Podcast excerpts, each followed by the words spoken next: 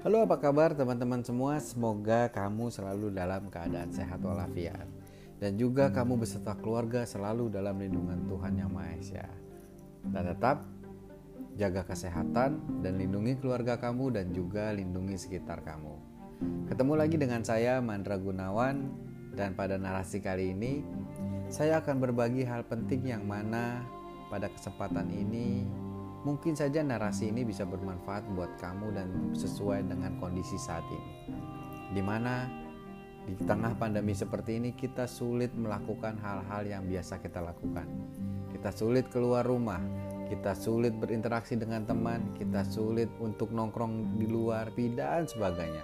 Sehingga membuat kita menjadi bosan ataupun membuat kita menjadi tidak bahagia ketika sedang ada di rumah. Tapi ini semua kita lakukan demi kepentingan kita bersama dan kita harus atasi dengan hati yang tenang, dengan hati yang bahagia. Nah, pada kali ini akan berbagi sedikit narasi bagaimana pentingnya ketenangan hati. Nah, setiap manusia tidak luput dari kesalahan dan kegagalan tentunya. Namun, yang membedakan antara orang bijaksana dengan mereka yang belum tercerahkan adalah cara mereka menanggapi kesalahan dan kegagalan.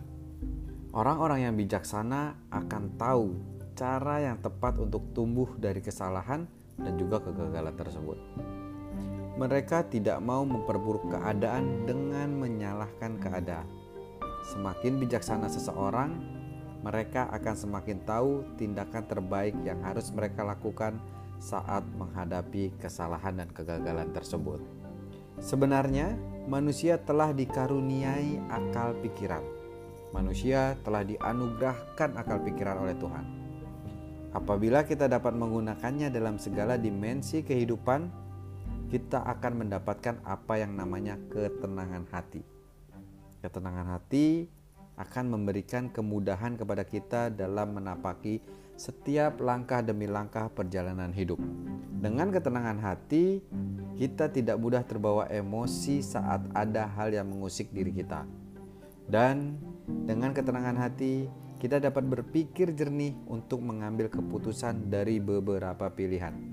Dengan ketenangan hati, kita lebih ringan saat menghadapi krisis dan masalah, sehingga kita mampu tumbuh dan melaluinya. Namun, Sayangnya banyak yang menjalani hidup tanpa menyadari pentingnya ketenangan hati. Masih banyak juga menjalani hidup dengan pikiran hati yang terlalu emosional, hati yang terlalu galau, hati yang selalu sedih dan sebagainya. Sehingga terjadilah korupsi. Tentunya korupsi tidak melulu identik dengan pencucian uang seperti yang dilakukan oleh pejabat-pejabat terhormat kita yang tertangkap KPK. Nah, korupsi di sini dapat diartikan bahwa pengingkaran kenikmatan yang telah diberikan oleh Tuhan kepada manusia. Pengingkaran kenikmatan yang telah diberikan oleh Tuhan kepada kita. Contohnya adalah beragam aspek yang dapat dikorupsi. Yang pertama adalah waktu, kepercayaan, sikap, hingga jiwa. Nah, ini dia yang paling berbahaya adalah korupsi jiwa. Korupsi jiwa bisa berarti mengambil sesuatu yang buruk meskipun kita sudah tahu mana yang baik dan mana yang buruk. Kita semua sepakat bahwa kehidupan senantiasa diwarnai dengan beragam masalah. Masalah memang selalu menjadi penyumbang terjadinya kegelisahan hati. Apabila kita tidak mampu menghadapinya dengan hati yang tenang, tidak jarang kita akan stres, risau, bimbang, dan galau. Bahkan tidak jarang dari kita akan hancur ketika tidak mampu menghadapi masalah-masalah tersebut dengan hati yang tenang. Nah, saya sempat membaca ada kisah menarik dari masa kerajaan Cina di zaman dinasti Ming. Pada saat itu, terjadi perperangan yang sangat dahsyat yang dipimpin oleh jenderal perang yang sangat arogan, sombong, dan pemarah. Dia mempunyai pasukan kurang lebih 300 ribu dan kapal perang yang sangat banyak. Dia menganggap enteng musuh-musuhnya karena merasa memiliki kekuatan super. Keegoisannya telah menutupi mata hati dan pikirannya. Sedangkan di sisi lain, pasukan musuh hanya memiliki jumlah pasukan dan kapal perang yang jauh lebih sedikit dari jenderal tersebut. Namun, pasukan tersebut memiliki jenderal perang yang dengan pembawaan tenang, tegas, karismatik, dan cerdas. Spiritualitasnya tinggi. Terbukti sebelum memulai rapat strategi perang, dia senantiasa memanjatkan doa kepada Yang Maha Kuasa, disertai dengan perasaan cinta kepada para pasukannya. Singkat cerita, apa yang terjadi sangatlah mengejutkan. Dengan jumlah pasukan serta kapal perang yang sedikit, sang jenderal tersebut mampu mengalahkan jenderal yang sombong dan egois. Nah, apa hikmah dari kisah tersebut? Ketenangan hati adalah alat yang ampuh untuk memenangkan sebuah perperangan.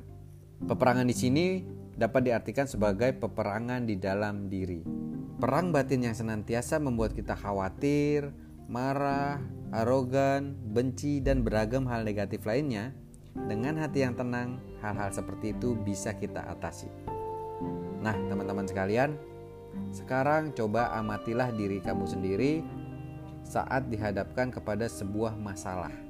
Apakah kamu sudah memiliki ketenangan hati, atau masih sering merasakan kegelisahan hati yang mendalam? Jika kamu bisa menjawab pertanyaan tersebut, berarti kamu tahu ada di posisi mana kamu saat ini.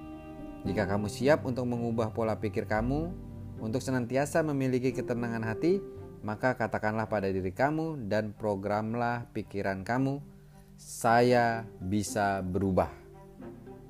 Jika kamu yakin bahwa kamu dapat mengubah hidup kamu menjadi lebih baik, kamu pun akan mampu mengubah hidup kamu. Nah, sekaranglah waktu yang tepat untuk menenangkan hati kamu agar kamu dapat menjadi pribadi yang lebih baik dan berguna bagi keluarga, anak, istri, suami, teman, kakak, rekan kerja, tetangga, dan orang yang tidak kamu kenal sekalipun. Saat kamu memiliki sifat-sifat kasih dan penyayang secara tidak langsung, kamu akan menyebarkan energi positif tersebut ke sekeliling kamu. Nah, itu saja dari saya. Semoga narasi ini bisa bermanfaat untuk kamu semua bagaimana cara menghadapi kondisi saat ini. Gunakanlah ketenangan hati dan semoga kamu semua tetap selalu dalam keadaan sehat, selalu senang dan selalu happy. Sampai ketemu lagi di narasi-narasi berikutnya. Sampai jumpa dan salam sehat selalu.